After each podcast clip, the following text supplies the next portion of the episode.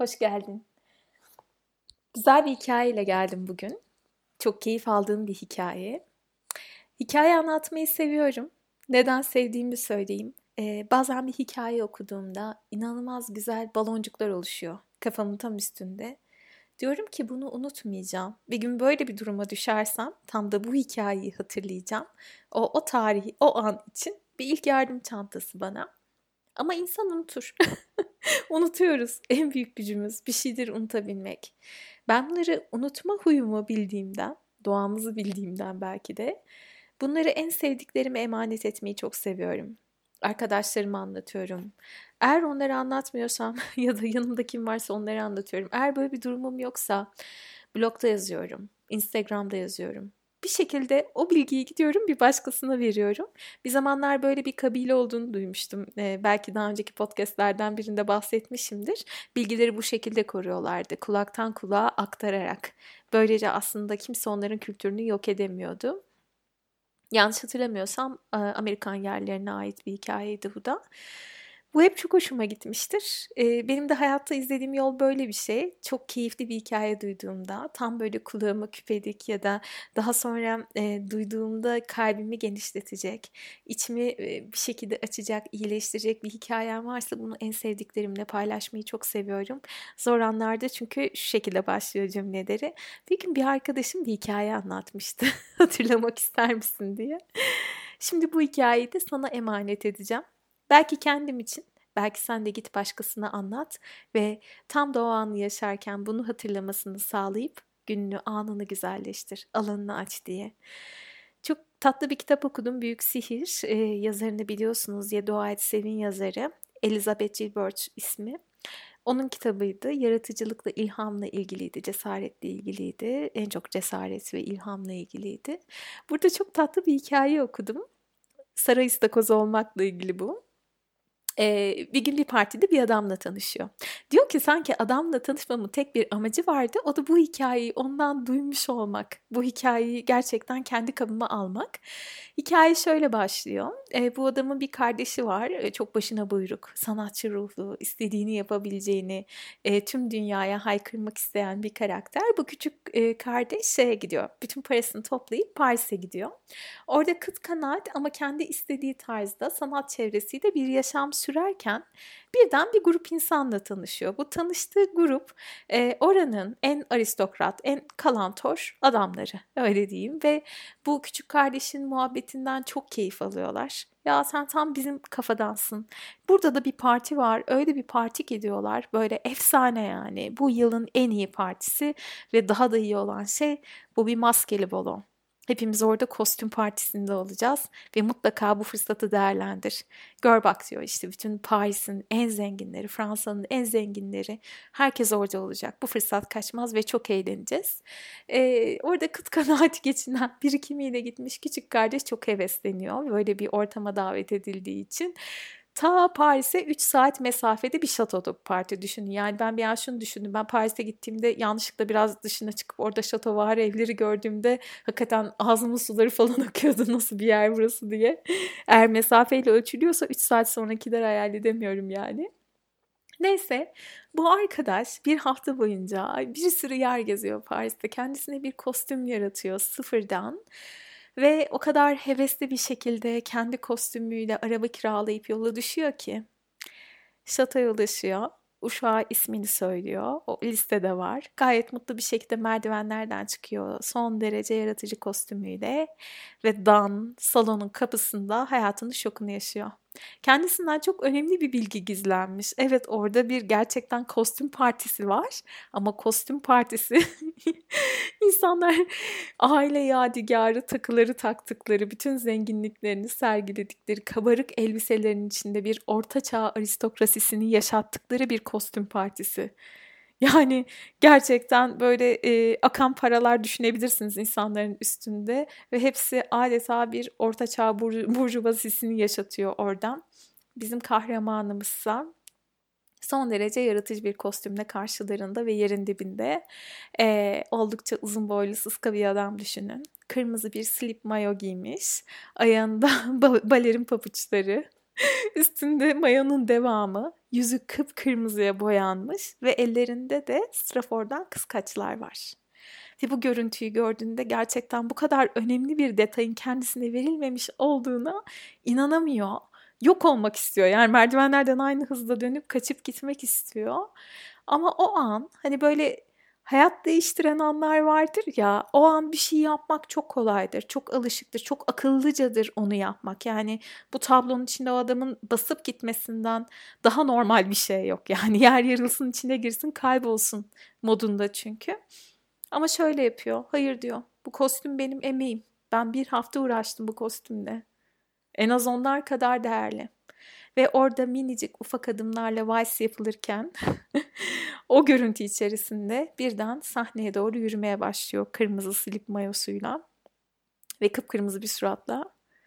Herkes şok oluyor, nefesler tutuluyor, çıt bile çıkmıyor salondan ve herkes ona bakıyor. En son biri dayanamayıp şöyle diyor, sen de kimsin? Küçük kardeş bütün soğukkanlılığını toplayıp şöyle diyor, ben saray istakozuyum. Ve orada inanılmaz kahkahalar kopuyor yani insanlar mest oluyorlar. Aa evet bir ıstakozumuz eksikti.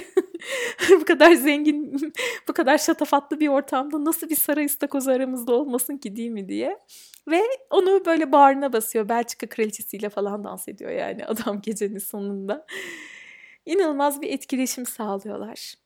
Tam tersi de olabilirdi. Merdivenlerden ağlayarak belki kendisiyle alay edildiğini düşünerek, küçük düşürüldüğünü düşünerek gurura ve egoya kapılıp gidebilirdi de bu da seçeneklerden biriydi. Ama orada kalmayı seçti. Kendi bireysel farklılığını göstermeyi seçti. Bunun altında ne var? Bunun altında sadece cesaret var. Ve ne için cesaret var diye sorduğumuzda şu yanıt geliyor. İncinebilir olmak için cesaret var. Tuhaf olmak için, anormal olmak için, belki dışlanmak için de bir cesaret var. Ve sanatın, ilhamın, şu biricikliğimizin, içimizdeki o küçük çocuğun yapmak istediği şeylerin en temel noktası da bu cesarete, ilhama, bu duruşa sahip olmak değil mi? Hayatın her alanında ama. Bunu okurken kitabın başında bir kısım vardı. En çok açıkçası o kısmı düşündüm. Ee, orada hikaye şöyle başlıyordu. Ee, Jack Gilbert isimli bir adam var. Bu adam çok ünlü bir şair Amerika'da ama şöyle adam aslında fabrikada çalışırken şiir yazıyor. Adam para kazansın diye şiir yazmıyor, ünlü olsun diye yazmıyor. Şiir yazmazsa gerçekten kendi potansiyelini yerine getiremeyeceğini bildiği için şiir yazıyor. Şiir yazmak onun için o kadar önemli. Ve adamın şiiri bir kitap haline gelip basılıyor. Adam o kadar ünlü oluyor ki, o kadar ünlü oluyor ki. Bütün davetlerde görülmek isteniyor. Bütün aktörler, aktrisler adamın peşinde. Yani istese her şey olabileceği o şey noktasında. Ee, ne diyebiliriz oraya? Gerçekten böyle e, Kıvılcım Ağın diye bir kitap okumuştum. Tipping Point. Çok da iş hayatına dair tavsiye edebileceğim bir kitaptır. Patladığı noktada yani bir şeyin pik noktası var o noktanın içinde. Adam ne yapıyor biliyor musunuz? O ünün tam içine girmişken tabiri caizse toz oluyor, kayboluyor. Bunu reddediyorum diyor. Bu ünü reddediyorum.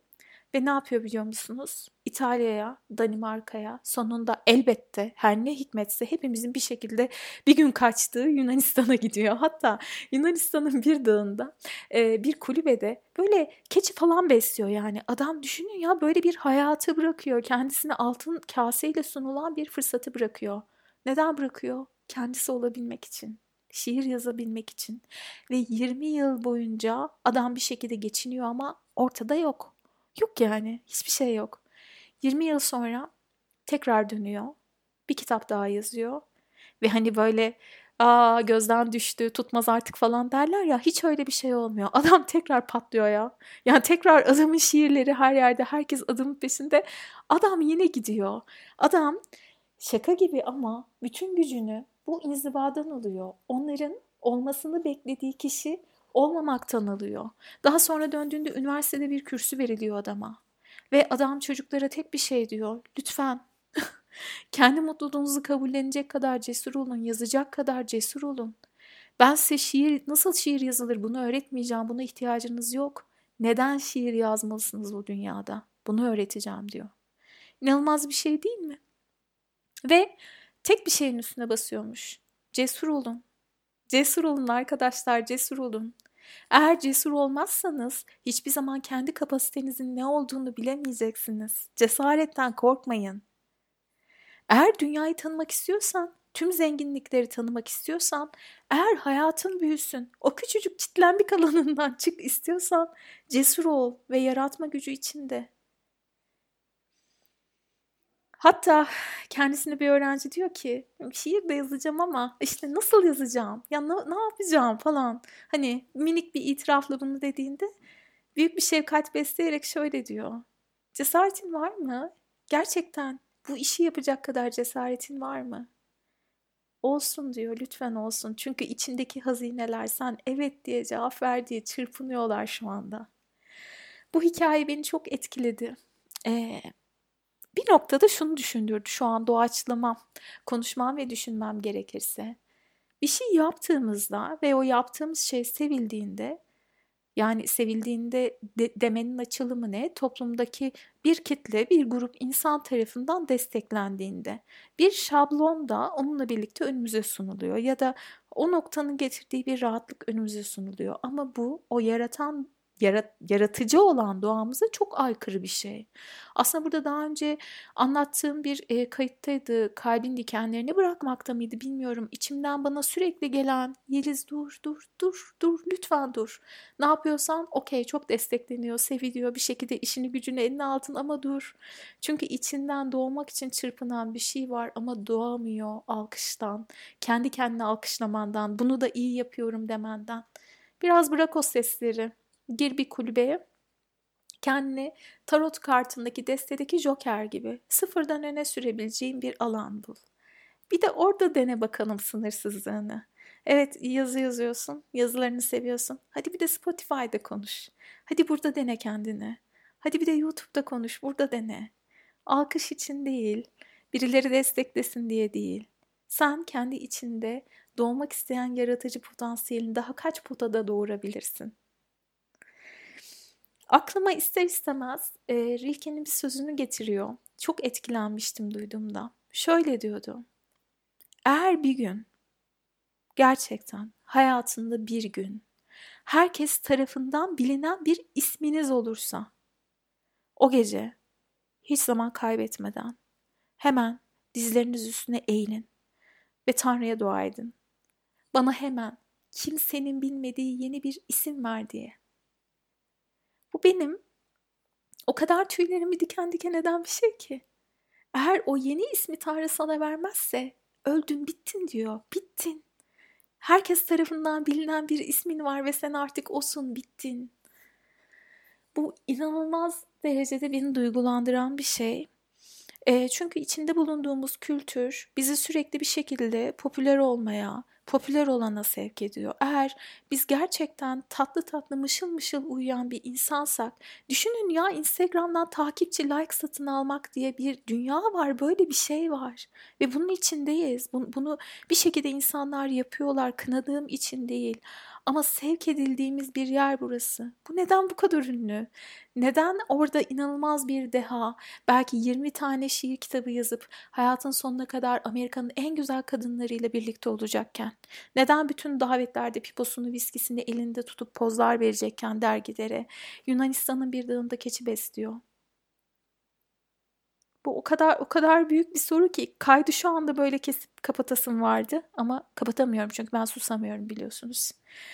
Aklıma bir başka hikayeyi getiriyor bu durum. Bir tane sevdiğim bir adam var. Ee, ara ara böyle paylaşıyordum. O yüzden birçoğunuz bileceksiniz ama bilmeyin. Ee, bu adam yazar kimliğiyle tanınan birisi. Ee, ve kitaplarını böyle sanırım 24'lü 25'li yaşlarda okuduğumda bile fazla romantik ve hani gereksiz romantiklik düzeyinde bulmuştum. Ee, beni ciddiye almayın bu konuda. Ben bir Venüsolog olarak romantizmden aslında epeyce uzağım. Daha gerçekli, gerçekçi yaklaşımım var ilişkilere. Ama bu adamın e, bir zamanlar beslediği bir şarkı var ve bu şarkı benim bu dünyada en sevdiğim şarkılardan biri. Yani bir insan hiç mi bıkmaz dans hayır. Hiç bıkmıyorum yani 18-19 yaşımdan beri o şarkı böyle ne zaman kendimi iyi hissetsem, kötü hissetsem hep alttan böyle bir pıt atı verir kendisini ve çok uzun süre o şarkıyı dinlerim. Her dinlediğimde de şöyle derim. Ah adam seni çok seviyorum da sen neden hep şarkı yazmadın ya? Hani neden hiç kitap olayın, olayına hiç girmeseydin de senin hep şarkılarını dinleseydik. Bu böyle bir yaratıcılık, bu kadar güzel sözler hiç çöpe atılır mı? Hani bu dehanın üstüne gidilmez mi diye. Ben bu hikayeyi okuyunca içimde o adamı yargıladığım o eski Yeliz'in bakış açısıyla tabii e, onunla da bir karşılaştım ve kendimi çok değişik hissettim. E, şöyle bir his yarattı bu bende. Adam canı ne isterse onu yapıyor. Çünkü adam yaratıyor. Umrunda değil ki. Birileri sevmiş sevmemiş olsun o kitabı yazıyor. Birileri dinlemiş dinlememiş hiç önemi yok. Sırf keyif için şu anda müzik yapıyor mesela hiçbir iddiası olmadan. Ve yine onu dinlerken şey hissediyorum. Ee, hiçbir kurala bir şeye uymak zorunda değil. Sadece keyif için müzik yapan insanlar. Bunu geçen çok güzel bir terimle kendimce böyle şöyle bir de terim yarattım demiştim ama tüh aklıma gelmedi. Neyse. hani bir şey yapmanın keyfi için bir şey yapmak. Umrunda olmadan yapmak. Kimse dinlemiyormuş gibi söylemek. Kimse izlemiyormuş gibi dans etmek. Aslında sanatın ve ilhamın en en en pik noktasındaki bence konu. Bitirirken elimde değil. Çünkü içimden fışkırıyor bu. Ee, benim babam beni şah damarından öptü. Daha önce alıntı yaptığım bir kitap burada Ozan Önen'den. Onun bir girişi var. Şöyle diyor. Seni hala o kişi sanmaları. Bu hikaye beni öylesine etkilemişti ki okuduğumda. Çünkü şöyle diyordu. Aslında senin aynı kişi olmanı bekliyorlar. Aynı düşman, aynı sevgili, aynı çocuk, aynı yazar, aynı esnaf, aynı isyancı, aynı çizer, aynı arkadaş. Aynı amatör, aynı tanıdık, aynı yabancı. Seni öyle tanımış olanlar seni hep öyle görmek istiyorlar. Halbuki eski düşmanların bile en temel stratejik hatasıdır. Seni hala o kişi sanmaları. Sana dair o öyledir kaftanları biçip o var ya o bulvarları döşüyorlar. O bu işi yapar. O evli bir kadın. O sessiz biri. O çok romantik. O doktor olacak. O gitar çalar. O soğan yemez. O sosyalisttir. O asla alkol kullanmaz. O mu? Sabaha kadar içer. Çok komik biridir. Fırında balığı çok iyi yapar. Boş beleş herifin tekidir o. Hayır. O öyle kalmayacak. Soğan yemeye başlayacak soğan yemeyen çocuklar. Bir gün kafası atıp da her şeyden yeterince tiksinen biri mesela bir yazar alıp da başını ormandaki kulübesine çekilecek ve dünya tarihi için Walden Gölü kıyısındaki Henry David Thoreau'u kıskandıracak kadar güzel bir sivil itaatsize dönüşecek. Thoreau yerine Toaru'yu da olabilir emin olamadım. Kadın kocasını terk edecek. Kendi devrimini böyle başlatacak. Fırında balığı çok iyi yapan adamlar ve kadınlar tası tarığı toplayıp istifa edip belki sadece balık tutmayı isteyecekler. Ve ve ve böyle devam ediyor. Çok uzun uzun okumayacağım ama Herkes her zaman o sandığın kişi olmayacak işte. Kekeme sandığın bir şarkı söyleyecek. O böyle nasıl olur, o böyle değildi, değildi, değildi diyecekler. En ilkel etiketleri yapıştıracaklar ama gel gör ki cesurlar kazanacak. Her zaman cesur olanlar, yeni şeyler deneyenler. Onu göze alanlar kazanacak ve onlar kazanırken cebinde riske attıkları tek bir şey olacak. Kendi incinebilir kabukları, kendi yara alabilecekleri yerleri. Yani sadece yara alabilecek kadar cesur olanlar bu sınırları yoklayıp kazanacaklar. Ve diğerleri saray istakozu olmayı göze alamadıklarından e, Yeni Türk'ün o şarkısındaki gibi çemberin hiç içinde değilken çemberin tam da göbeğinde olmayı seçip bir gün yerine her gün ölecekler o maskeli baloda. O nedenle bitirirken saray istakozunu sana emanet ediyorum. Bağırmak ister misin? Ben bir saray istakozuyum diye. Ben bağırıyorum okuduğumdan beri. Sevgiyle kal.